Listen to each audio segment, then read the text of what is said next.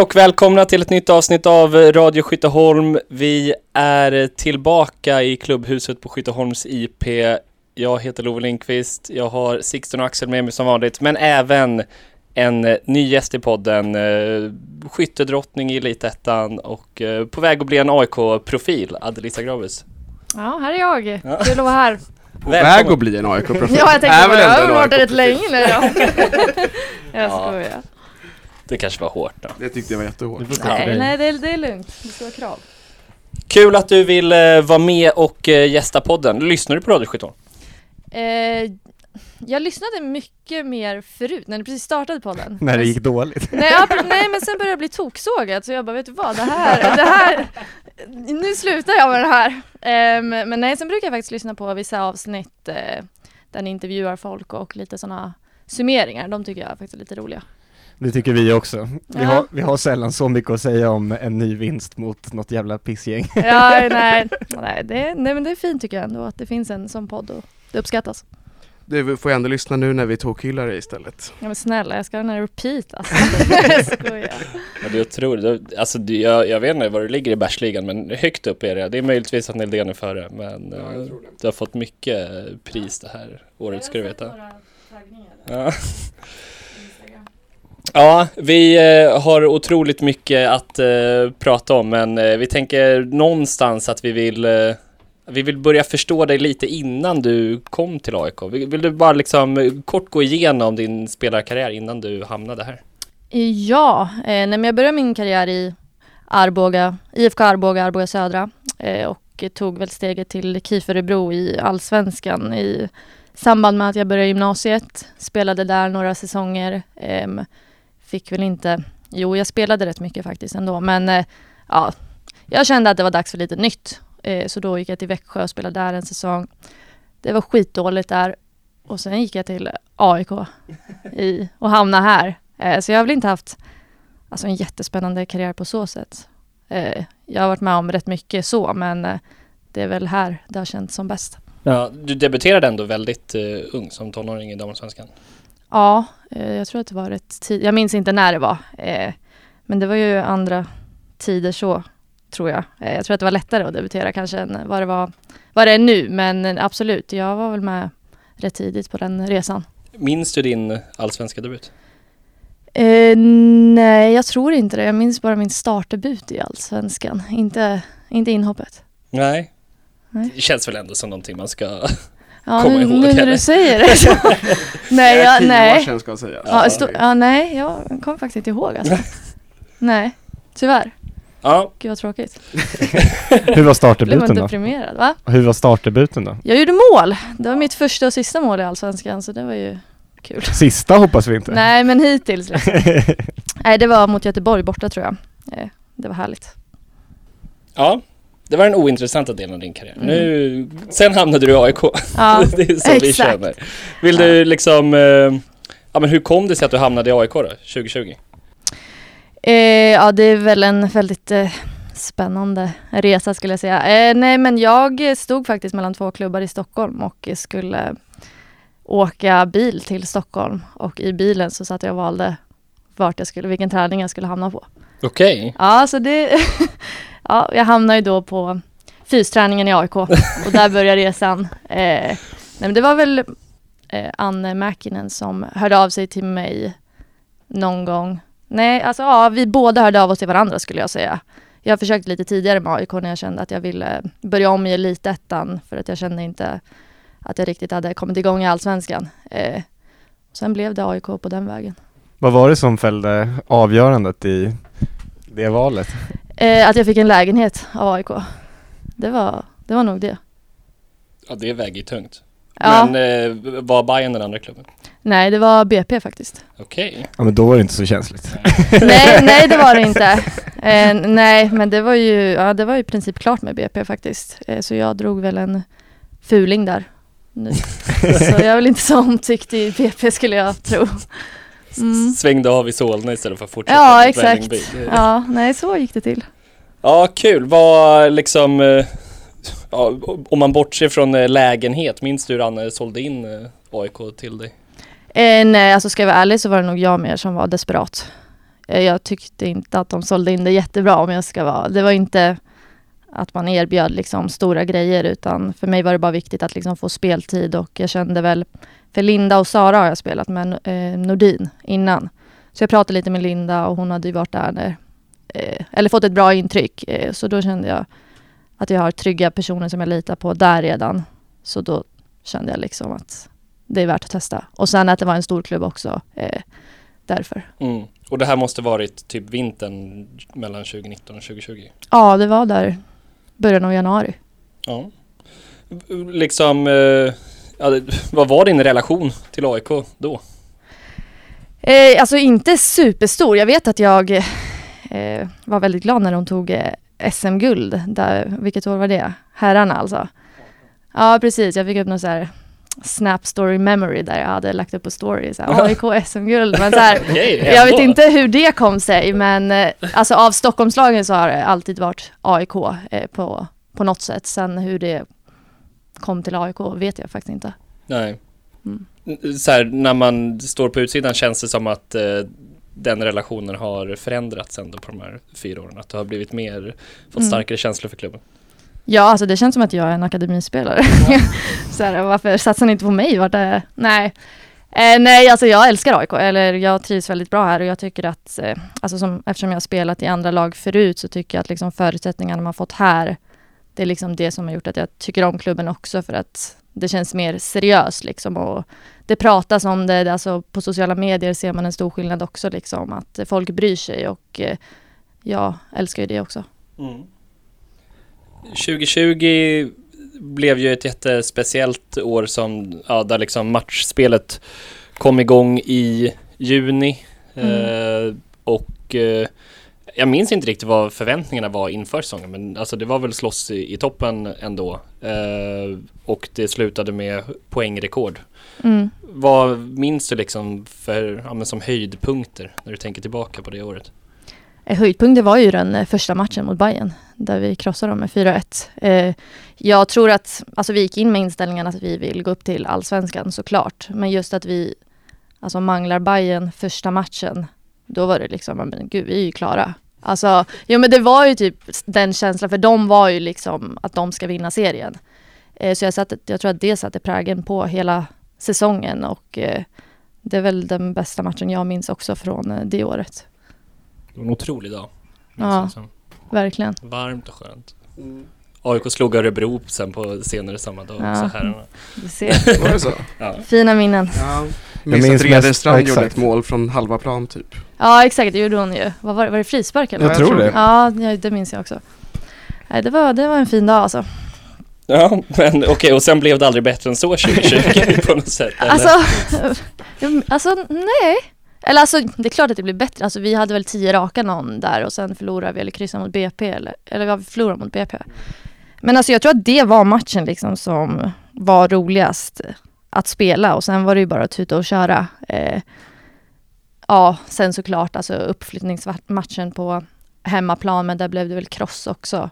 Så det var lite blandade känslor att fira utan publik och lite sånt där men, eh, nej, men jag skulle nog säga att det var liksom derbyt och det var också då jag kände av liksom hur mycket derby betyder för, för alla som är härifrån. Mm.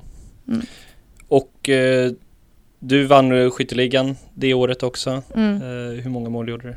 25. Och vad står det på i år? 24. Ja, ja stress här nu.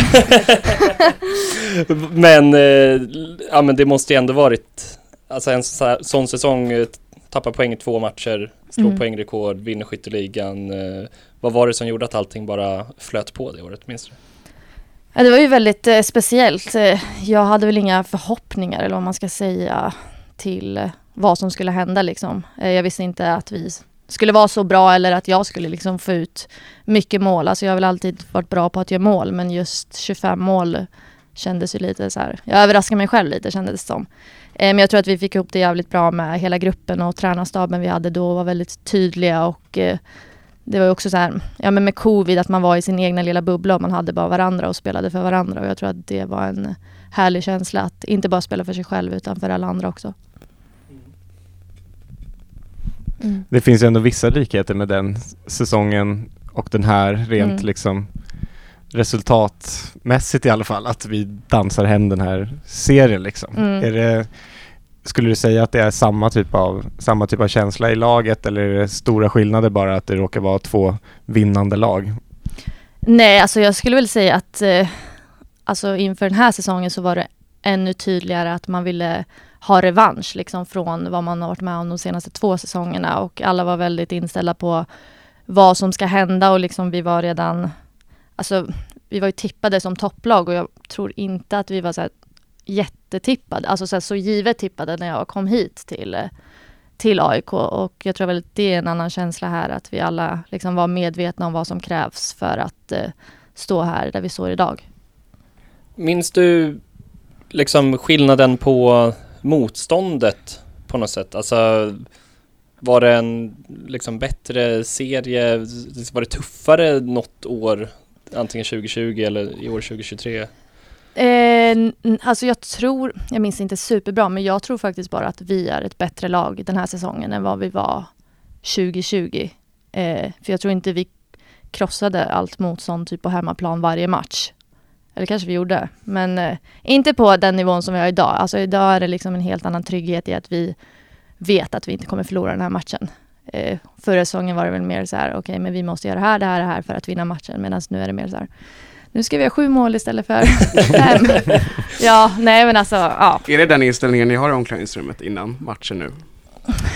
Alltså, alltså vi, jag skulle inte säga att vi tar för givet att vi kommer vinna matchen. Jag tycker att våra tränare har gjort det väldigt bra med att liksom måla upp de andra motståndarna som att det är Barcelona. Eh, så vi tror ju alltid att det här är världens bästa lag vi ska möta. Och så går vi ut och krossar och då är det ju bara härligt liksom. Alltså man vill ju fortsätta med den trenden liksom, att fortsätta ösa in mål och eh, ja, på så sätt liksom tror jag att det blir bättre med att vi har olika målskyttar och hela det köret också. Lättövertalad grupp människor. Alltså, de här är Ja, vi är skitbra. Bara, Okej. Vi kämpar för att få ett förlängt kontrakt här. ja, det är väl det. Ehm, men jag, jag tänker lite, ja men det var ju en otrolig vind i seglen när ni gick upp eh, 2020, som sagt slog poängrekordet i Elitettan det året och sen så kändes det som att allting förändrades på Mm. något sätt till eh, 2021. Det var, ja men framförallt på tränarsidan men det var ju väldigt många nya spelare in, Mm. några spelare ut. Minns du hur du upplevde den eh, försäsongen? Eh, ja, jag minns att jag var, eh, alltså jag var besviken typ att alla ledare lämnade. Eh, för jag tyckte att vi hade kommit ihop bra som grupp. och Jag trodde på det vi hade liksom, alltså den spelstilen som vi spelade. Sen kom det in en annan typ av tränare också som inte riktigt var nöjd över det vi hade presterat i elitettan. Att det blev lite mer shish på allting liksom. Det här var inte tillräckligt bra.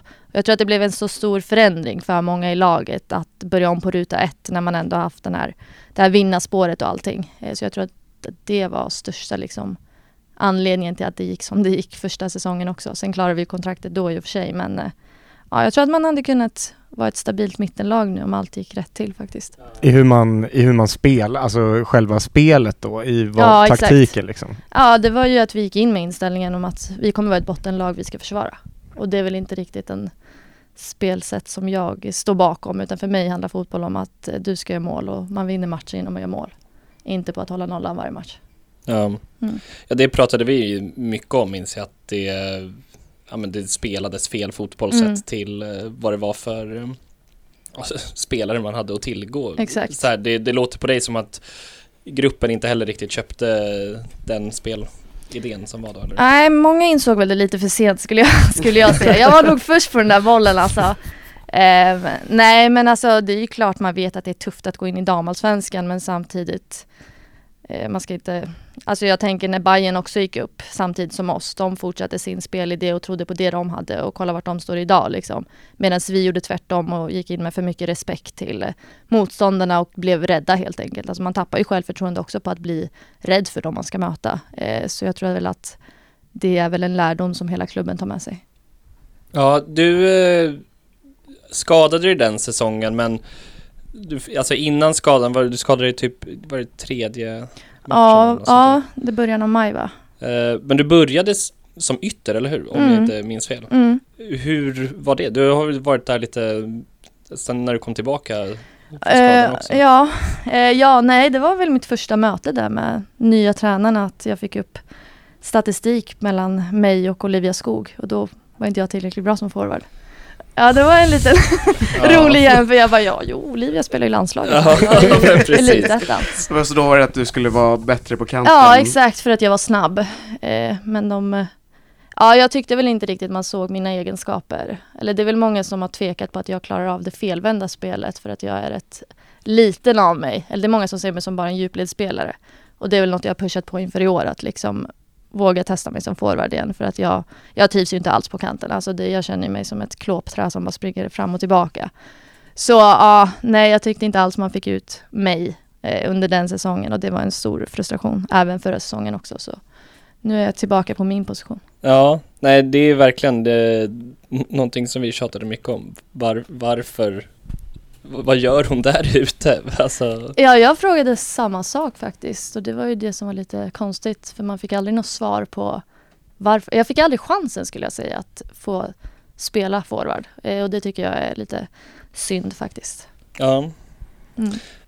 Men det tycker jag verkligen, det har vi varit inne på många gånger i år, att vi, vi har tyckt att man ser den, alltså typ det felvända spelet, kombinationsspelet och så som, även om du gjorde 25 mål i Elitettan 2020 Mm. så tycker vi med våra begränsade fotbollsögon att, Mm. eh, att den delen av ditt spel har blivit, om man jämför 2020 med nu, att du är Mm. mycket bättre i det också. Kan det ha varit någon sorts motivation att liksom jobba på de delarna i spelet och bevisa ännu mer att man eh, liksom behärskar alla dem om man ska vara centerforward liksom. Ja, eh, jag och Jesper har ju bråkat om det här under, under försäsongen. Jag minns Alingsås. Jag började ju som ytter eh, när jag kom, eller jag, eh, alltså när serien drog igång så började jag som ytter.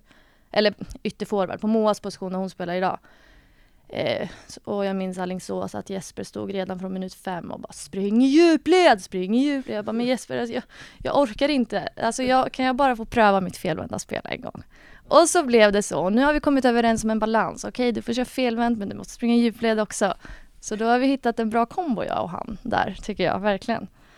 Eh, så nej, jag tycker att ja, jag tycker absolut att mitt felvända spel har blivit mycket bättre och att det har gynnat laget också att få lite mer kombination i speluppbyggnaden och sådär.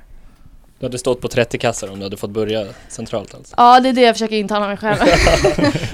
Precis. Eh, skadan då? Eh, det var, jag vet inte, du hade, hade, hade lite skadehistorik innan Mm. eh, det här, eller hur? Men hur var det att liksom, ja men direkt tillbaka i damallsvenskan och Mm. åka på en eh, allvarlig Mm. skada? Hur minns du tillbaka på det? Eh, nej, det var otroligt eh, tufft också, speciellt när det var så tidigt under säsongen och det var väl en ny skada som jag inte riktigt var, eller jag har inte varit med om det förut. Eh, fick ju broskskada i knät, så det var ju något nytt. Jag har haft lite korsbandsskador innan det, så det var väl en eh, ett eh, sätt för kroppen att säga nej. Det var en väldigt intensiv period den våren. Eh, jag blev pushad, pushad väldigt mycket att träna lite mer än vad jag klarar av. Fick väl inte riktigt den hjälpen jag behövde med fysen och sådär och sen sa kroppen ifrån bara. Så klart att det blev tufft mentalt hela, hela det året. Och så var det, det var på uppvärmning mot Djurgården, var det inte det? Ja, det var, alltså, jag skulle bara slå en passning. Och sen klickade och jag kände bara nej, nu går det inte längre. Ja, Mm. det minns man om jag, jag, kom, jag var på plats på stadion och så bara, ja, men, jag tror det var tredje matchen på säsongen, man Mm. att du kliver av från uppvärmningen, bara, mm. Hon har tappat skallen alltså. Nej, det var inte vad man behövde. nej, jag minns också då, då var, satt ju Anna och skrek. Kan du kliva av planen eller? Jag bara, ja jag ska rulla av här. Ja gud, det var tough love Ja, låter det som på den tiden. Ja, det var fint. Ja gud. Hur hade Ja. Olivia Skog gjort? Hade hon klarat av att kliva av planen? Hon hade ju sprungit runt i cirklar fan. Nej. Nej, det var, det var en konstig skada för jag visste inte riktigt hur allvarligt det var. Jag prövade ju en månad att springa för de sa att det inte är något fel. Så jag stod här på Skytteholm och försökte haltspringa i en och en halv månad. Så det drog ut på hela perioden också för det var väl ingen som riktigt trodde på att jag var skadad. Eller alltså, rent, alltså när man ser på MR-bilderna så var det liksom ingenting som visade och sen bestämde jag mig bara, nej men ni måste gå in i knät. Och då visade det sig vara en menisk som flög runt där i knät som inte riktigt syntes. Så det var ju skönt att få bukt på det. Men har du haft några bekymmer sen du kom tillbaka från den skadan? Eh, nej, inga allvarliga. Alltså så. Eh, jag har väl haft lite, alltså just med knät, att man har känt av det lite då, men inget som har påverkat eller hindrat mig. Mm. Tänk på det, när man ser fotbollsspelare, det känns som ni borde ha ont överallt hela tiden på något sätt. Det ser så fruktansvärt jobbigt ut. Ja, vi pratar om det ibland när man inte känner någonting. Man bara, fan idag är en bra dag, så ska vi köra fyra mot fyra. Ja. Åh gud. Trodde jag skulle nysa. Fara. Eh, ja, ska vi röra oss vidare på den här eh, resan i, mellan säsongerna? Och Mm. i så fall, eh, för du spelar inte någonting resten av 2021, eller hur? Om jag inte minns fel. Mm, nej, 2021, vad är det nu? Nej, 20, nej det gjorde jag inte. Nej. Jag var borta ett år ja. Precis. Och Ja. sen så eh, 2022, ja. då vinner vi ju premiären mot Örebro. Mm, Eh, vi är ju deras buggeteam. mm. Eh, och eh, sen så ja, följs det av väldigt många förluster. Ja, Hur eh, upplevde du den starten på säsongen? eh, nej men jag kände väl att det var kaosartat. Eh, men det kände jag ju redan året innan det och att det följde med oss in till säsongen som började och jag tyckte fortfarande inte vi hade den här inställningen om att vi ska bli bättre utan det var fortfarande en inställning om att vi är för dåliga för allsvenskan. Vi ska försvara. Eh, så jag tyckte att det följde med oss liksom hela säsongen ut också. Och, eh, ja, jag vet inte, det är en konstig säsong alltså. Jag tror bara inte att vi var där mentalt. Mm. Var det den känslan, var det något ni tog upp med ledarna från spelargruppen eller var det något man gick och grubblade över mest själv? Alltså jag tog upp det. Eh, sen vet jag inte hur, eh, om alla andra gjorde. Eh, men jag, alltså, det blir ju också när man alltså, förlorar match efter match. Man sluter sig till en viss grupp och det blir ju liksom jag tror att det är svårt att få fram åsikter om man inte är en sån person heller. Alltså att man vågar prata i grupp. Eh, så vi var väl ett par stycken som liksom tyckte att vi förtjänar bättre eller att vi borde kunna vara bättre än det vi är. Eh, men jag tror att det fanns en, ett missnöje liksom i gruppen och ja. Vad motiverar en att vara kvar och fortsätta då under den perioden liksom? Ja, för att man var en del i att det gick så jävla dåligt och man vill vara en del i att eh, förbättra det. Jag tror inte på att lämna allt i skiten och sen ska allt bli, allt bli superbra utan alltså vi skrev ett kontrakt om att vi är här för den här anledningen och då tycker jag att man ska fullfölja det. Sen eh, fick ju den eh, liksom ledar, ledarstaben gå och Herish och Jesper Mm. kom in. Vad, märkte man någon, någon skillnad direkt där eller vad, hur var stämningen då?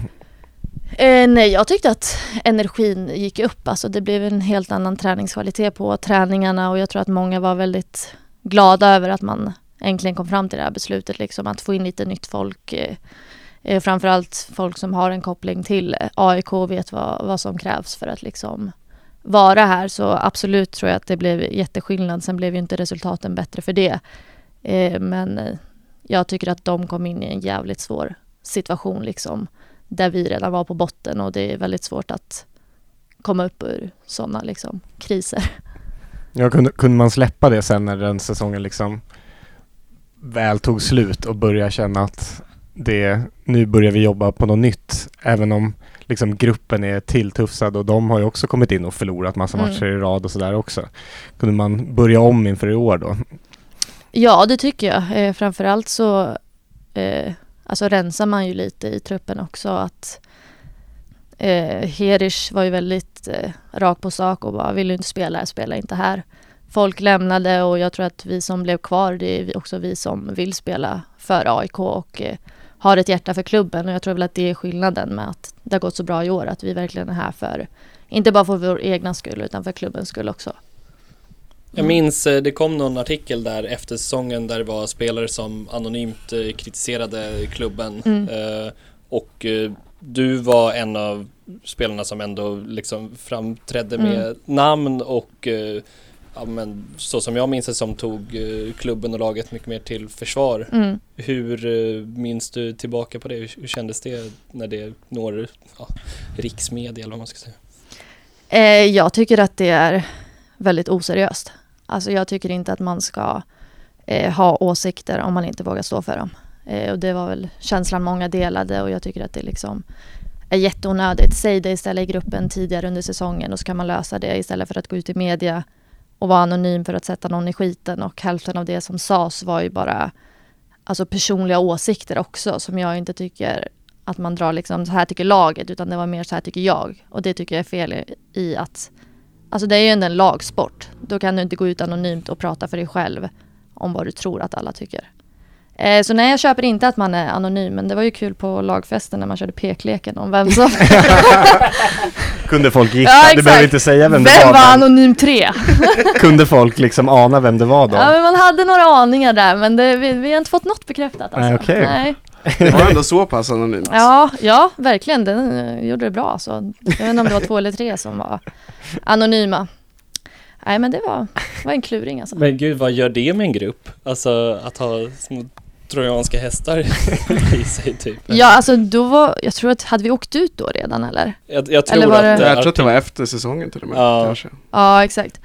Ja, nej, alltså jag tycker inte att det påverkade gruppen så mycket. Alltså det är klart så här. Alltså jag tror nog mer att de som gick ut i medien, att det är de som fick mer ångest än vad resten av laget fick. För man fattar nog i efterhand att ja, men det här är fel att göra. Alltså, ja. Så jag tror inte det påverkar laget alls på så sätt, utan jag tycker bara det är fel att smutskasta någon om man inte står för det. 100 procent. Jag är också, alltså så här, jag tänker lite från fotbollskanalens sida. Det var inte direkt något sprängstoff som de kom med. Alltså, jag är det någonsin när det? Ja, Sen när det är en anonyma vittnen då brukar det ofta vara så här wow okej jag fattar det, det här kan skada personen om den går ut med det här men det var så här nej de var inte snälla mot mig. Ja exakt, det var ju inga rimliga grejer man tog upp heller. Så det, ja, jag vet inte tusan alltså. Skönt att det är över. Ja, Ja, nej vi kör på, vi har kvar det där alltså. Anonym, anonym, anonym. Ingen vågar säga någonting längre. det kanske kommer en uppföljande artikel snart. Ja, Exakt. Adelisa gick ut och sa vem anonym två var. Precis, och Jenny Nordin. ja. ja. Vi satt ju där, vi bara, kommer de tro att det är vi? För vi säger ju alltid vad vi tycker. Nu kommer någon börja spekulera att det är vi sen. Nej men det blir ju en liten oro sådär. Men nej, det, det är borta det där alltså. Ja, Men det känns som att eh, Jenny har tryckt på i flera intervjuer att hon vill skapa liksom ett samtalsklimat som kapten och att alla ska verkligen. våga säga och så. Ja, det har hon gjort eh, otroligt bra. Hon är en fin kapten att ha så att säga. Men kommer det lite utifrån den frustrationen då att det är extra viktigt att skapa den miljön nu så att det inte blir så här igen då eller? Ja men jag tror det också. Alltså hon brinner ju också så jäkla mycket för AIK liksom med hela hennes historia. Så jag tror att det tog väldigt hårt på henne också att någon går ut och, alltså när hon har kommit hit och spelar för klubben när hon kunde spela i ett mycket bättre lag och sen liksom kasta någon skit på det de gör. Jag tror att det tog hårt, och, alltså hårt på henne och på många andra. Eh, så att absolut inför säsongen att vi var tydliga med är det någonting så pratar vi om det. Men sen är det ju svårt att ha högt i tak hela tiden också. Men nej, det, jag tycker att det har varit mycket bättre i år. Men när ni åkte ut och liksom skulle ja, men, ladda om inför en säsong i Elitettan. Mm. Jag minns det som att det var ganska osäkert så här, eller klubben gick aldrig ut och sa att så här, nu vi ska bara ner och vända och liksom Mm. upp direkt igen. Man vill absolut inte prata om att det skulle slås några målrekord eller något sånt. Hur upplevde du på insidan att liksom eh, ambitionerna var direkt efter avslutande säsong och inför den nya säsongen? Eh, nej men jag håller lite med där. Det var inte så tydligt utåt. Alltså att vi ville gå upp. Men jag vet att Herish och Jesper och alla de som eh, jobbar runt om var väldigt tydliga med att de vill gå upp. Och eh, det var det första vi pratade om när vi åkte ut. Att vi ska tillbaka. Eh, så även om det inte syntes utåt så var vi i gruppen väldigt tydliga med vad vi ville. Mm. Ja. Och vad var det som fick dig att stanna kvar i laget då? Jag kände att jag var en, en anledning att, att vi åkte ut. Så jag ville vara, vara med på den resan, att ta, oss till, alltså, ta upp oss igen. Eh, jag är väl inte supernöjd över min säsong förra året och då kände jag att det är en, alltså en bra chans här att få speltid och eh, hjälpa laget. Mm. Mm. Hur såg eh, dina alternativ ut? Eh, Skulle du kunnat eh, fått ett jobb i damallsvenskan eller? Mm, jag vet, alltså jag pratade aldrig med några klubbar faktiskt. Jag var väldigt inställd på att vara kvar i AIK. Jag bokade möte med Herish och sa hej hej. Mig blir du inte av med. Men du har, vad fan också! du har ingen agent då? Det låter som att du gör nej, nej, nej, men jag är inte så inne på den här agentgrejen. Jag har försökt med agenter. Mm. Men jag tycker att de är väldigt, eh, när det går bra då är vi här för dig. När det går mindre bra så hörs vi inte av mer. Mm. Så då, vill, då sitter jag hellre och löser det själv. Mm. Ja, Och det löste sig också. ja det gjorde det. Sen hur bra kontraktet blev kan vi ju diskutera men... Du kanske kan bli agent till dina medspelare sen Ja, också. jag brukar säga det Veta vilka knep som funkar Jag på bara, er. Nildén, Nildén, du vet vart Hamis Nej. Ja. Och vad tror du är anledningen till att det har gått så bra i år då? Eh, Jag tror att det har gått bra för att alla har trott på det och att vi har förhållit oss till eh, alltså en spelidé och vi har inte ändrat så mycket. Jag tycker att tidigare säsonger har det blivit så här, ena matchen kör vi så här, andra kör vi så här, utan alla vet liksom sina roller just nu och jag tycker att eh, Jesper och kompani har gjort ett väldigt bra jobb med att få ut alla styrkor också och anpassa spelet efter spelare istället för att vi ska anpassa oss efter motståndarlaget. Men vad har ja, men, hela tränarstaben egentligen, vad har de gjort för att ni ska utvecklas så otroligt mycket? För det känns ju verkligen som att ni är ju mycket bättre idag än vad ni var liksom första matchen på Mm. säsongen. Eh, Jag tror att alltså, vi har fått väldigt mycket frihet liksom att eh, diskutera liksom, speciellt med Jesper liksom, det här känner jag och liksom kan vi anpassa det här på något sätt och lägga upp träningarna på liksom vad som är bäst för en själv och jag tycker att de har varit väldigt duktiga också på att skapa den här konkurrensen. Eh, att du måste verkligen prestera den här veckan för att du ska starta. Gör du en dålig match så kommer du sitta på bänken nästa match. Eh, och jag tycker att det har varit en framgångsfaktor, liksom att inte känna sig säker på att du kommer spela nästa match. Eh, även om många matcher har vi spelat med samma startelva, men jag tycker också att det är de som har presterat bäst på träningarna. Mm. Så jag tror att det har varit en bra grej. Tror du alla spelare känner så? Eh, nej, det tror jag väl, nej, det tror jag väl inte. Och så kommer det alltid vara. Jag har själv varit i samma situation, men jag känner ju också att det är ju väldigt svårt att börja rotera kors och tvärs när vi har, alltså när det har funkat så bra. Vi har haft en skadefri trupp eh, kontra mot vad det har varit förut, eh, där man har gjort ett otroligt jobb med fysiken också. Så jag tror att, jag tror inte Jesper de har det lätt alltså när de tar ut en startelva. Det, det tror jag inte. Nej, vi har ju ofta suttit efter matcher och sagt så här. Ja, okej, vi- vad vill vi ha för elva i nästa match? Bara, Ja, de elva som startade, de ska ju få spela vidare. Sen vill vi peta in Ja, den, exakt. den och den som gjorde bra inhopp också. Ja. Och så där, ja. Ja, nej, så det är nog ju fler som känner så, absolut. Men det är intressant det här med att det är en mycket mindre skadedrabbad trupp Mm. i år. Kan du se liksom tydliga anledningar till att det är så? Eh, ja, jag tycker att ja, men jag, vi har ju en fystränare som heter Jack. Vi är väl inte bästa kompisar skulle jag inte, inte säga, men han har väl, eh, alltså även om man tycker att det är jobbigt så har ju han gjort ett otroligt jobb med att eh, anpassa våra gymscheman och uppvärmningarna som vi har just nu. Jag tror att det har varit grunden till eh, liksom att vi är skadefria. Jag som haft mycket skador har verkligen fått anpassa liksom hur mycket jag klarar av att gymma och träna samtidigt och jag tror att det har varit liksom väldigt uppskattat av många och få som har liksom en sån fystränare som är så engagerad i att han vill att alla ska vara friska och krya. Ja, du klarade ju av att spela typ 300 minuter på en vecka Mm. för inte så länge sedan och göra mål på det också. Nej, vi så. sa det efter den matchen, jag tror det var så här dagen efter Nildén bara Men vadå varför är du så trött? Jag bara men du vet att liksom jag har aldrig typ spelat 90 minuter i hela mitt liv och nu spelar jag 120 Hon bara vad menar du? Jag bara Kom till mig när du är 27 år gammal så kan vi prata om det Ja, O- Ung och oförstörd. ja verkligen alltså ja, Önskar man Jag har var inte känt i den smärta åldern. än. Nej Hoppas hon inte får göra det heller och med hur mycket, nu är det lite ett sidospår här, men hur mycket damfotbollen har utvecklats de Mm. senaste tio åren liksom och de framtidsmöjligheterna som till exempel Nildén och de Mm. unga har idag. mm. Kan man känna någon sorts bitterhet mot dem på något sätt? Att så här, det var vi som gjorde det här för er och nu är det ni. Ni ska fan ja. swisha sen. Nej men jag brukar säga till dem alltså att ta tillvara på det. Alltså när jag började spela i damallsvenskan, alltså det fanns ju inte ens Instagram typ. Alltså det var ju ingen marknadsföring på det sättet. Alltså gör du en bra säsong nu i elitettan så kommer det synas ut i Europa. När jag spelade liksom i damallsvenskan, det var ju ingen som visste vem jag var.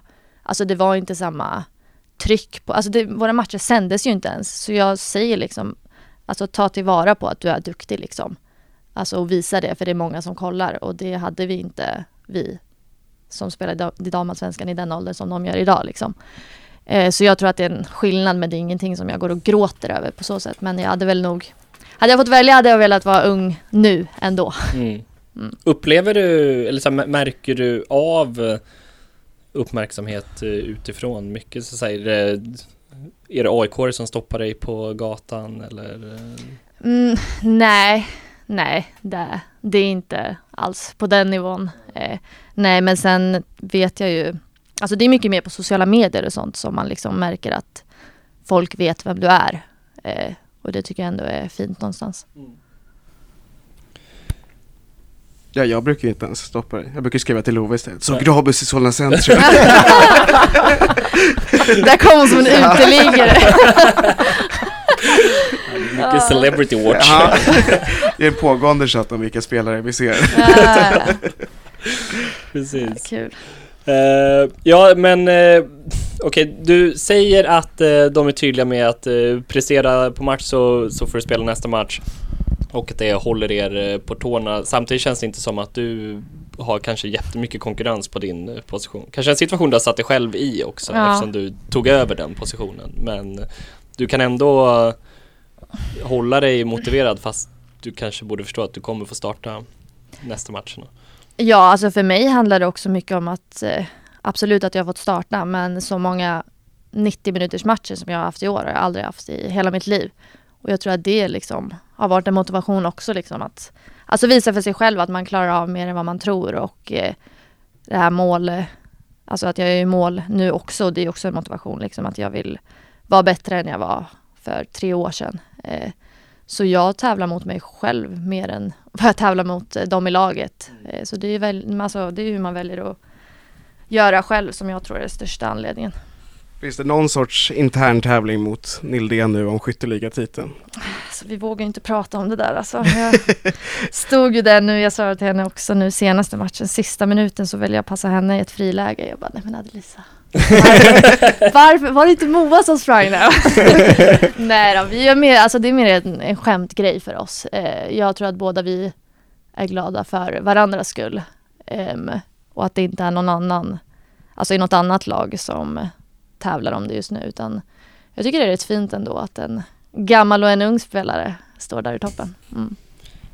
Gammal vet jag inte. Ja, jag ty- ja, gammal jämfört med de som är i vårt lag. Ja, så kanske det är. Hur är det att ha en sån blandad trupp?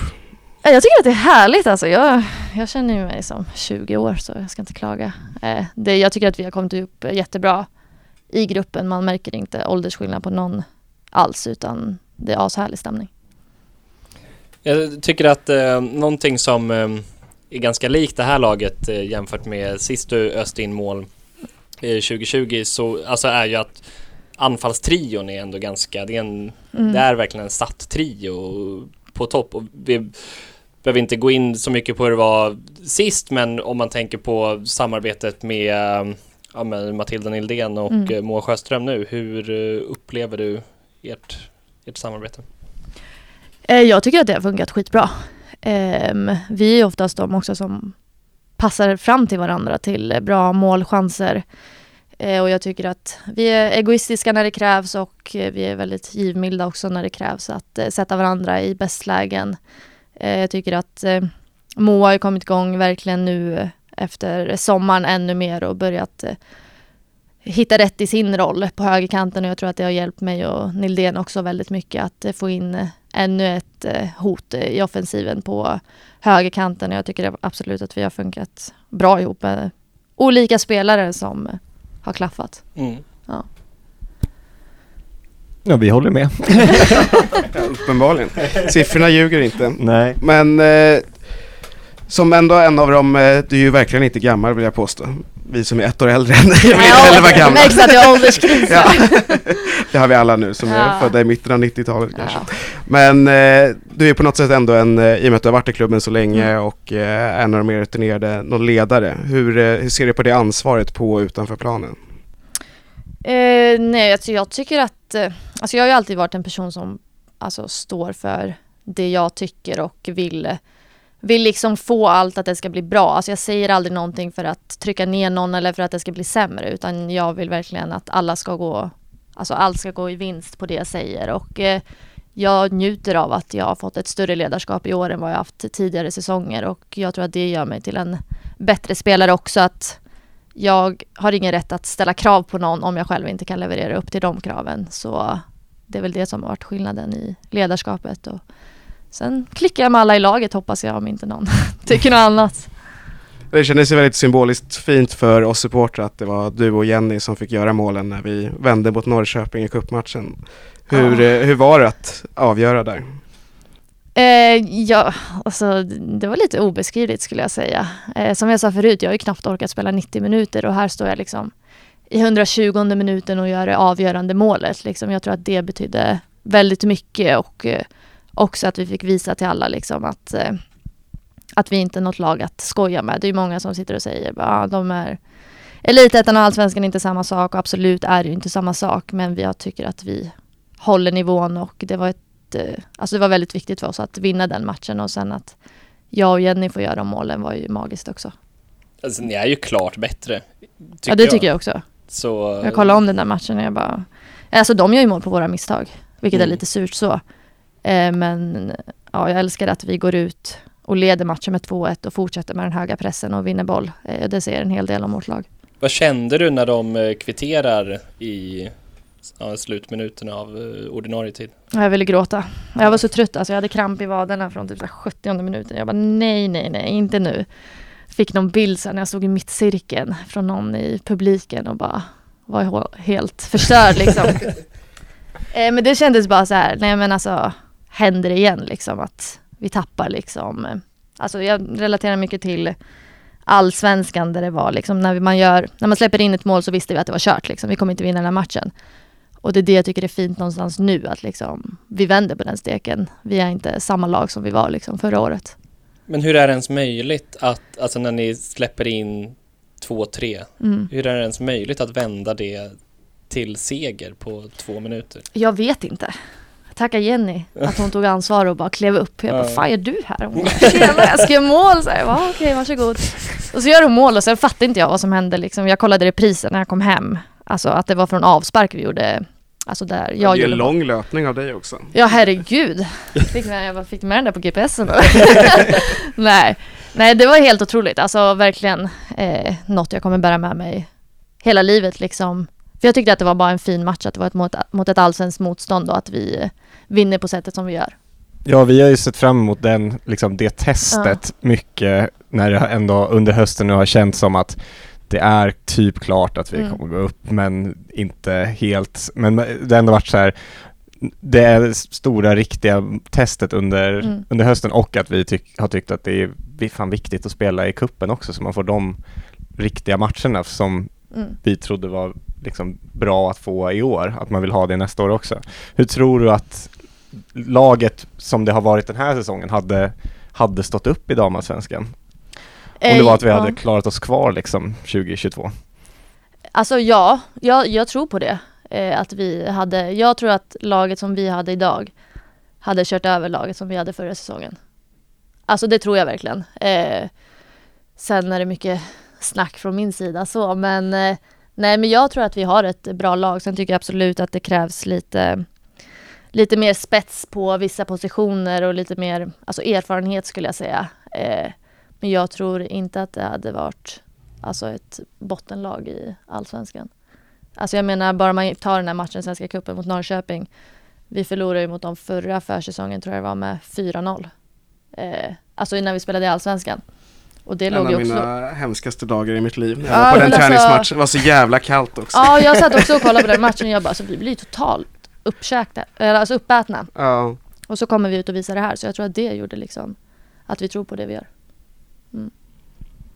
Men hur, hur mycket av det tror du är att ni har en tydligare spelidé eller bättre trupp eller att det bara är självförtroende? Vad är liksom balansen där? Alltså jag tror, att det, jag tror att det handlar om allting. Eh, jag menar att vi har fått ut så mycket av allihopa. Eh, alltså våra mittfältare och backar och hela forwardslinjen har ju gjort det väldigt, väldigt bra. Eh, och jag tycker att många har presterat individuellt också. Det är inte bara som lag utan jag tror att många har fått ut liksom maximalt av sig själva den här säsongen som jag tror att man kommer bära med sig i allsvenskan också. Mm. Men eh, ja, lite så här, du sitter på utgående kontrakt. Mm. Eh, Jag tycker att du pratar som att du är AIK-spelare nästa år. Men, ja, eh, det var jag inbillar mig. ja, det, det var bra sagt alltså. Nej, jag kommer att sitta där nästa säsong och bara, var det snacket?" Förhandlingsläget måste vara bra mot Herish nu i alla fall. Ja, jag hoppas det. Jag hoppas han lyssnar nu. Herish, hej.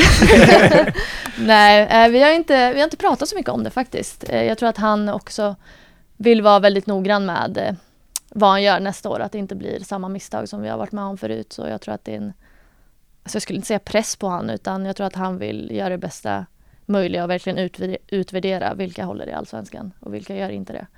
Eh, Så jag tror inte han har varit stressad alls med att sätta en trupp, Ja, och säsongen är inte slut än. Nej, Ni har ju ändå ett målrekord. några, ja exakt. Mm. Ja. Utifrån dig så, om du får välja så vill du vara kvar. Alltså jag ser inte mig spela i någon annan svensk klubb eh, i alla fall och ska jag utomlands då, då ska det krävas eh, en bra lön så att säga. Rösse kanske är sugna. Ja, jag såg att ÖSK gick upp där i elitettan, de kanske ringer. nej, nej, det, nej, jag vill inte gå till någon annan svensk klubb i alla fall om jag inte börjar trappa ner så. Eh, så det är väldigt oklart faktiskt inför nästa år. Ja. Mm. Eh, Den sportchef som gör sig av med skyttedrottningen inför en ny Vi säsong. har ett, ett, ett pedagog, en pedagogisk uppförsbacke att förklara det för oss. Ja, eh, Heders kommer hitta sina ursäkter nej då. Men eh, liksom hur skulle du, eh, om vi ponerar att du blir klar, men Mm. att det också värvas in eh, någon riktigt eh, etablerad eh, nia liksom Mm. till nästa år. Eh, hur skulle du känna för att eh, ta upp den eh, kampen? Eh, jag vet inte, alltså väldigt bra fråga. Eh, det beror nog helt på. Eller jag ser inte liksom, vill ni värva en etablerad nia som har gjort tusen matcher i damallsvenskan då kanske inte jag är rätt spelare att ha kvar i truppen. För jag ser ändå mig själv att jag är här för att spela och inte vara någon som sitter på bänken och hoppar in då och då. Eh, så det är väl så mitt tankesätt går. Vill jag sitta på bänken så kan jag faktiskt göra det i någon annan bottenklubb liksom. Mm. Men eh, så här, att det kommer eh, värvas in en till anfallare känns väl ganska troligt liksom. Om man Mm. Ja, precis. är- Jo, men är det- krass. Eh, Ja men det är väl inte så det finns inte jättemycket djup på liksom Nej. Nu har vi ingen kontrakterad anfallare nästa år tror jag. Nej, exakt. Nej men det är ju skillnad att värva en, alltså en anfallare, absolut. Ja. Men ska du värva en anfallare eller värva en som har spelat, alltså ja, i landslaget eller vad man ja, i svenska landslaget. Stina Blackstenius kommer här, ska jag bara hej hej varsågod liksom. Eh, så det är det som är skillnaden på vad är det för spelare vi värvar. Är det någon som jag har en rimlig konkurrenssituation mellan? Absolut. Eh, så. Men jag ser ju, jag gillar ju också när det är lite tävling. Eh, så det blir nog skitbra. Det var exakt det jag ville ha ut. Så. Så det kanske jag som ska starta podd här. ja, precis. Ja. Vi kommer in i superettan-segmentet här, en timme. Säsongssummering. Ja, precis. Herregud. Nej. Eh, ja, eh, ska vi säga mer? Det har varit väldigt offensivt i år. Du sa att eh, en, eh, ja, vad är motsvarigheten till, motsatsen till nyckel, men eh, ett, ett sänke för oss sist var att vi var för rädda i damallsvenskan. Mm. Tror att det kommer, eh, ja men den här offensiva spelidén, tror att den kommer följa med upp? Ja, det hoppas jag verkligen.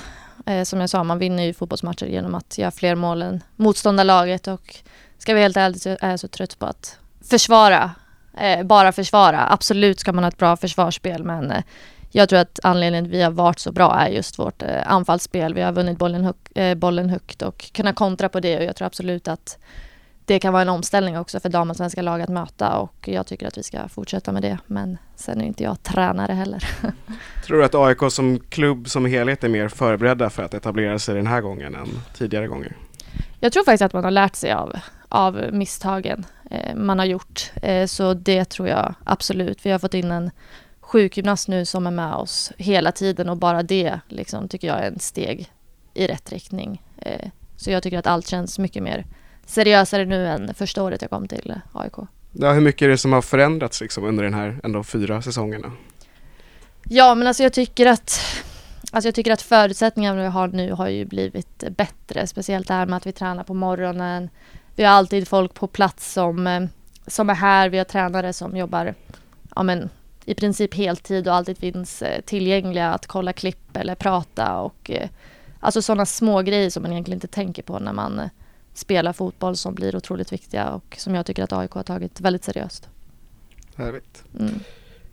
Eh, den dagen du lägger skorna på hyllan, när det nu blir, Mm. vad, vad, tyck, vad vill du ha uppnått då för att du ska känna dig nöjd? Mm, jag skulle frågat mig för fyra år sedan där.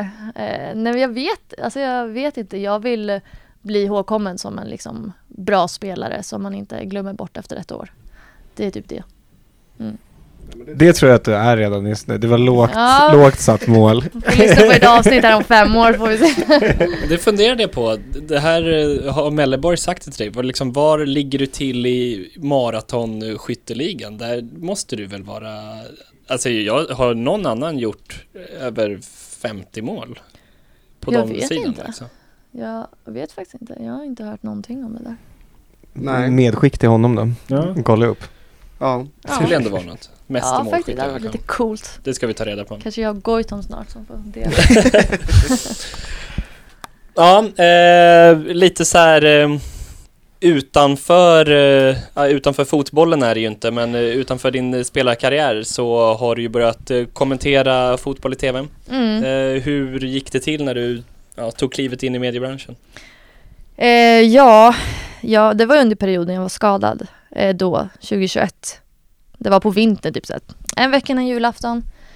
Kände mig lite rastlös och bara, ja, men jag hade ont i knät. Jag trodde inte att jag skulle komma tillbaka. Eh, för det gick inte så bra med rehaben och springa och hela det köret. Så då googlade jag mediachef Discovery och skickade ett mejl. Hej, kan jag få prata med er chef? Och så skickade jag ett litet personligt brev eller CV till honom. Eh, och sen tog vi en fika och sen fick jag chansen att pröva på lite. Och sen dess har det gått bra. Härligt. Ja. Jag har aldrig hört någon som haft det så lätt att få ett jobb i mediebranschen. nej, det, Alltså, nej, eh, ja, det var väldigt eh, ovanligt sa han att folk mejlade. Jag visste inte riktigt hur det gick till så jag bara, nej men. du sa inte att jag är på väg till Simor just nu, men jag ger er en chans. Nej, jag bara, hej jag spelar AIK dam, jag bara, du kan googla. nej, men det var, jag tror att han fick ett bra intryck på mötet och på det jag skrev till honom. Så det kändes bra. Men vad sa du, alltså, sa du liksom jag vill eh, kommentera live-fotboll i TV eller? Eh, ja, jag sa att jag tycker att det är roligt att kolla på fotboll och lite sånt och skrev liksom vad jag har varit med om under min karriär och hur jag tror att jag skulle fungera som eh, expert. Eh, och så fick jag chansen då, alltså på kontoret, att kommentera från alltså datorn. Mm. Eh, och eh, då såg han liksom en utveck- utvecklingspotential och trodde på mig och sen dess har det gått bra. Hur eh, nervöst var det första gången du satte dig med en mikrofon i handen? Eh, jättenervöst kommer jag ihåg. Det var ju, jag fattar, alltså det är också, man ser ju det ni ser på Mm. tvn. Så jag såg inte ens hela planen. Jag bara, fan hur ska jag kommentera det här liksom? Jag ser inte ens vad som händer i backlinjen. Och det var också roligt för det var typ Skövdes hemmaplan och de filmar ju liksom från markplan. Och jag bara, Alingsåsvinkel. ja jag bara, det är världens bästa expert som kommer här och ska kommentera liksom. Nej men, det, det har gått eh, ändå förvånansvärt bra. Och man, jag vill ju inte lyssna om den matchen i alla fall. Så, känner jag. Känner du att du har eh, utvecklats mycket i, den, i det yrket också? Eh, ja, det tycker jag. Jag tycker att jag har tagit kliv just med att eh, vara bekväm främst eh, framför kameran och inte vara så nervös och hela den här, alltså också att det blir enklare när man jobbar med samma personer runt om. Eh, att vi har skapat en bra relation med dem jag jobbar med och jag tycker att det har, alltså jag tycker att det har gått bra ändå. Mm. Mm. Vad liksom vidare med ja, men mediakarriären, vad har du liksom för ambitioner där? Eh, nej men det är väl att fortsätta få fler allsvenska matcher till att börja med. Och sen på lång sikt vara med och kommentera något mästerskap och så. Ja, tror du att det går att eh, kombinera fotbollskommentatorsjobb och spel i damallsvenskan? Eh, bra fråga. Det också. Eh, ja, jag tror det. Det är också för att Discovery har varit väldigt eh, snälla mot mig också att anpassa mitt schema efter dem. Så de har ju alltid frågat mig liksom, har du matchen den här helgen? Kan du ta den här matchen? Så jag har ju tackat nej och ja på de matcher jag har kunnat och det har klaffat ändå väldigt bra med avstånden till matcherna också. Eh, så jag tror att det nog ska kunna gå att funka. Tror du att det gynnar ditt egna spel att eh, behöva analysera så mycket fotboll utöver era egna matcher? Ja, jag tycker det. Jag tycker att det är kul att se liksom hur andra bra anfallare fungerar. Eh, vad de gör bra som jag tycker är så här, ja men wow, det där vill jag också göra. Och jag tror att jag liksom bärt med mig mycket av det i mitt eh, fotbollsspel, men också liksom att komma bort från min fotboll, att tänka på något annat, eh, tror jag har hjälpt mig väldigt mycket. Och, eh, nej, men jag tycker att det gå- alltså, är en bra kombination. Du och Emma Engström kommenterade ju en match på försäsongen. Ja, exakt. Vad tyckte du om hennes insats? Nej, hon, var, hon var klass alltså. Jag sa det, jag bara, du kanske ska satsa på det. Hon bara, ah, så här, nummer nio där, nummer nio här. Jag bara, ja, jag bara, fortsätt så. Jag minns att eh, ni diskuterade hur många mål Jenny skulle göra. Ja, hon eh, drog ju iväg där lite. Hon var jätte... Hon satt ju och pluggade dagen innan till och med. Hon var jättenervös. Och jag bara, ja men det kommer gå bra. Jag bara, jag bara, det är ingen stress, det är typ tre som kollar på det här. Jag, bara, hon, jag tror att hon blev lite sugen faktiskt. Ja. Kliva ner och göra några Elitettan-matcher till nästa säsong. Kommer Ja, det behövs ju. Ja, speciellt de här Spideo-bilderna som jag säger. Eller Spideo, alltså, Ja. det måste ju vara hemskt att sitta och vara kommentator eh, på de matcherna. Stackarna. Vi har också sett vissa jag vet inte om det har varit, för det har varit på hemmamatcher som vi har varit på plats på, men när man kollar highlights efteråt så är ljudet helt osynkat. Då har vi diskuterat, ä- har det varit så för kommentatorn att ljudet, att kommentatorn hör att det blir mål innan man ser målet också? Det, Nej, det är nog ljudet som hamnar efter alltså. Ja. Jag vet att jag har skrivit till någon som hade en sån match. Det var någon vecka sedan. Jag bara, du vet att du inte hörs va? Han bara, va? Vadå inte hörs? Jag bara, "Ja, kanske ska ta det med produktionen. Så blev det, nej. Ja, vi hjälper varandra mycket, men det är svårt det där alltså. Man vet ju inte vad som händer liksom. Jag vet inte om ni hör mig eller inte liksom. Men har du ett, eh, liksom, eller ja uppenbarligen, men så här, ditt fotbollsintresse, kollar du mycket fotboll? Är det liksom, Mm. du följer fotboll när du kopplar av också eller? Ja, det är ju det som är mitt problem. Jag har ju fotboll på hela tiden alltså. Eh, speciellt eh, ja, men damallsvenskan kollar jag mycket, allsvenskan och superettan är väl de jag främst följer. Så det är ju fotboll hela tiden. Ja. Ja. Och vad gör du de få timmarna på dygnet då det inte är fotboll? ja, då jobbar jag på mitt tredje jobb. Vad är det för något? Det är eh, Signify heter det. Jag jobbar 50% på ett LED-företag hemifrån. Vet inte så mycket mer än så. Med vad då? Bra fråga. Svara på mail. Eh, ja, nej, jag hjälper chefen i Norden eh, på lampor. Ja, det. Ja, jag vet faktiskt inte så. Du, Alltså, om du håller dig upptagen i alla fall Ja, jag vet faktiskt. Alla frågar så här, vad, vad gör du för något? Jag bara, jag har det bra. Det viktigaste. liksom, det, det går bra. Och den fritid som inte är Ja. fotboll då? Har du något särskilt intresse? Nej, det har Nej. jag inte. Nej, alltså jag är väldigt, alltså jag är lite ensamvarg. Inte ensamvarg, men jag gillar liksom att vara ensam och bara slappna av. Mm. Eh, så jag brukar bara vara hemma och ta det lugnt liksom, kolla TikToks. alltså sådana grejer. Eh, jag tycker att jag träffar så mycket folk hela tiden, alltså med, med jobbet och träningarna och så, så ibland behöver man bara få den här lediga dagen och bara vara själv. Mm. Ja. Är du lika hård mot domarna när du kommenterar som när du, som det är på plan? Ehm, nej, nej, då har jag lite mer förståelse så. Ehm, när jag sitter och bara, nej men där gjorde han rätt, där gjorde han inte rätt. Och, nej, men det är hemskt att vara på planen med domare. Alltså, det, ja, men alltså det är, jag, jag kan inte förklara. Det är alltid Grabus nej, Grabus nej. Jag bara, snälla låt mig andas. ja, det är ju, nivån går ju upp och ner, speciellt i elitettan så att säga. Mm. Mm. Ja, det Ja, har nu har vi förhoppningsvis lämnat både Elitettan och Sportexpressen Play bakom Ja, oss för, för all framtid. Verkligen. Tycker du inte om Sportexpressen Play? Nej, jag kommer inte sakna Sportexpressen Play. Jag kommer sakna det på vissa sätt. Ja, Jag har ju snyltat andras inlogg och jag vägrar betala där alltså. Jag sa, Ja, men Jenny, ni borde kollar ändå du få nu? ett Jag bara, jag tar ditt inlogg. Att ni inte får ett inlogg? Nej, jag tror att kaptenen får möjligtvis och eh, tränarna. Okej. Ja, jag, jag får inget inlogg, nej. Väldigt snålt. Ja, jag. det är faktiskt, nu när du säger det. Det känns väl lite som att Sportexpressen Play, alltså här, kan det vara en tredjedel av deras potentiella kundbas är kanske spelare i Elitettan. Ja. Så, Ja, och i innebandyligan och allt vad de har. ja men precis. Ja. Ja, exakt. Lägger man till innebandy då är det kanske halva kundbasen liksom. Så det, Ja, verkligen. de måste ju tjäna pengar någonstans. Fina elitettan, alltså man kommer sakna det lite. Ja, Ja. Så, så, ja, så känner man väl också på något sätt. Men också skönt Drar en att det- avföljning direkt när man går upp till damallsvenskan Ja, på precis. Insta. nej då. Eh, vi har fått in en eh, lyssnarfråga Eh, vi har faktiskt dock tagit upp några redan, men inte creddat dem. Eh, men det här är från en kille som heter Lukas. Han säger att han sträckte ryggen i fredags och undrar hur man löser björnfett. det där sitter kvar alltså. Herregud. Ja, fråga min pappa, han kanske kan gå på en jägarjakt här. Eh, jag vet inte, jag har släppt den där nu. Jag tror inte på det där längre. Det var en period jag trodde på det. Men nu, nej pappa Det funkar försöker. inte. Eh, Nej, men jag har inte prövat heller. Jag tycker det är lite äckligt alltså nu i efterhand. Vi Sitter du? såg bilder på din inplastade Ja. Du, du, Ja. du provade det. Det, det, kan jo, du inte ja, sm- smita nej, undan då, det kändes ju bättre alltså. Men jag vet inte om det var mentalt eller om det var fettet där. Jättekonstigt, jag vet inte ens vart han fick den idén ifrån men eh, han är ju väldigt kreativ när det kommer till sådana grejer. Ja. Men den bosniska björnen har inte satt sig som ett, smek, som ett etablerat smeknamn? Nej, ja, det var Sinar, vår tränare, sa ju någon gång Bosniska björnen, jag bara, vad fan snackar du om? Det kan ha varit vi som Han bara, var vadå har du inte det. sett rubriken på Skytteholm? Jag bara, "Ah, just det, just det. Det är ett av våra bättre avsnittsnamn alltså. Väck inte den bosniska björn som sover. Ja, då hade jag kokat om någon väckte mig. Men eh, du var ju med i det bosniska landslaget, Ja. en samling i alla fall. Ja, Hur var det? var det, jag var där två tror jag. Två till och med. Det borde du, Ja, du vet jag det litar bättre. på dig där, mer än Axel. Eh, ja, nej, det var, det var speciellt. Väldigt speciellt.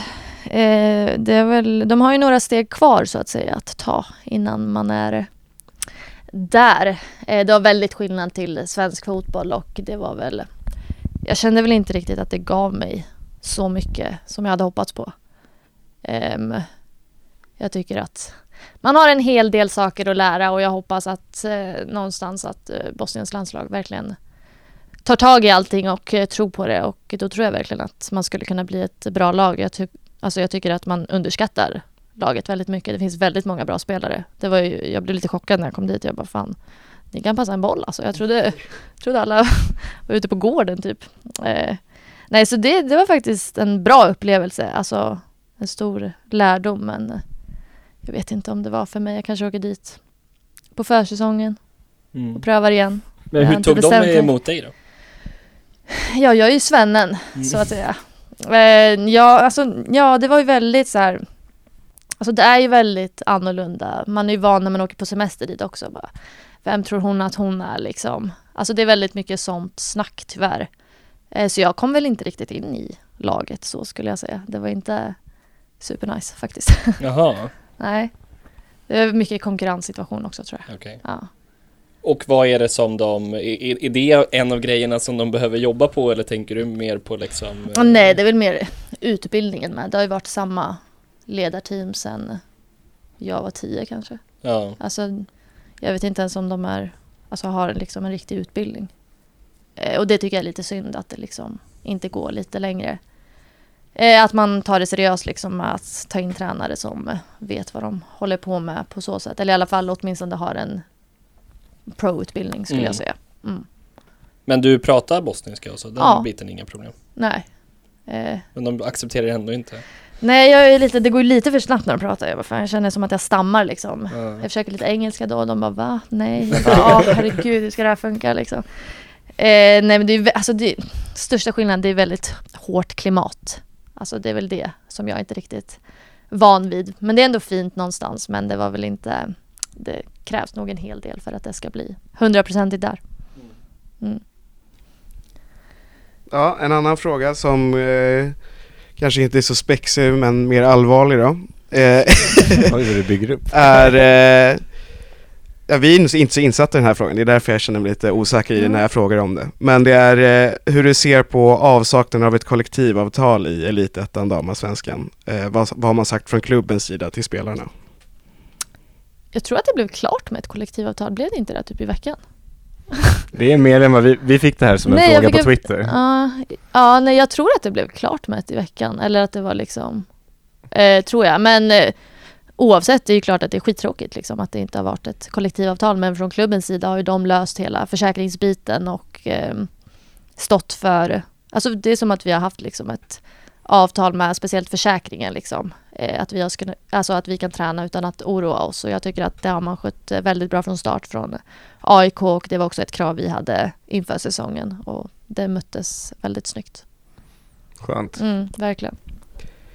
Yes. Ja, nej, men jag undrade apropå sådana krav från eh, spelare så, har eh, du varit inblandad någonting i de här ja, men, samtalen om ombyggnaden av skyttan och vad AIK kommer med för önskemål och så? Nej, eh, ingenting. Eh, jag tror att vi alla vet liksom vad som krävs för att det ska bli bättre här på Skytteholm. Mm. Jag tycker att vi förtjänar bättre än det vi får spela på. Det var, jag menar om man tar försäsongen var det John Guidetti som gick ut i media att han hade ont i hela kroppen efter liksom tre veckor på Skytteholm. Och så tänker jag, välkommen till oss där Mm. vi kör liksom varje dag eh, i, ja vad har jag kört där, tre, fyra år. Eh, så bara det säger liksom en hel del om vad vi behöver här. Härdar er om inte annat som människor kanske. Skip. Ja, det var, det var allt vi hade nerskrivet. Ja. Har ni någonting som kommer på uppstuds? Nej, har du någonting du vill hälsa Herish eller någon annan som lyssnar? Ge mig ett livstidskontrakt. Eh, nej, jag, tycker, jag vill bara säga till er att jag tycker det är väldigt fint att eh, ni har den här podden. Eh, Jag tror att det är uppskattat av både spelare och eh, alla runt om att vi syns på ett annat sätt. Mm. Mm, vi hoppas att ni inte tar det vi säger för allvarligt. Nej, Jag ska bara ta det till hela laget. kan alltid, kan alltid förklara med att vi inte kan något om fotboll Ja. egentligen när vi, när vi tycker att någon har varit sämre än match. Ja, det är väl det som är minst viktigt skulle jag säga. Och är det något du vill skicka med till alla supportrar så? Ja, ge oss en chans. Alltså kom hit och kolla på våra matcher. Jag tror att ni inte kommer ångra er. Det känns ändå från vårt perspektiv som att det ändå har varit lite bättre tryck i år och sånt Mm. även och ändå ökat lite. Är det något ni upplever från plan också eller? Ja, verkligen. Jag tycker det är väldigt fint den här grejen som vi har med att vi samlas liksom efter matchen eh, och tackar av varandra. Eh, Det är något som jag själv inte har upplevt under min karriär. Eh, så det tycker jag är väldigt, eh, väldigt eh, fint och eh, jag uppskattar alla som har liksom kommit hit de här matcherna men jag tror fortfarande att vi kan bli fler. Absolut. Mm. Yes. Sista hemmamatchen på lördag va? Mm. Eller hur? Mm. Bollstanäs, ett lag vi inte har slagit i år. Precis. Är det är dags. Det är Ja. motivationen. Ja, alltså jag tror väl de kämpar för att inte åka ner va? Mm. Så förhoppningsvis kanske de inte bara ligger i egen box. Så jag tror det blir en rolig match. Ja. det är det jag tänker. Precis. Det blir nog några baljor där. För laget då. Och för dig. Ja, hoppas jag. Grymt! Adelisa, stort eh, tack för att du tog dig tid att snacka med oss. Tack för att jag fick komma. Och tack till alla som har lyssnat. Vi, eh, ja, vi hörs väl om någon vecka eller så. Ciao!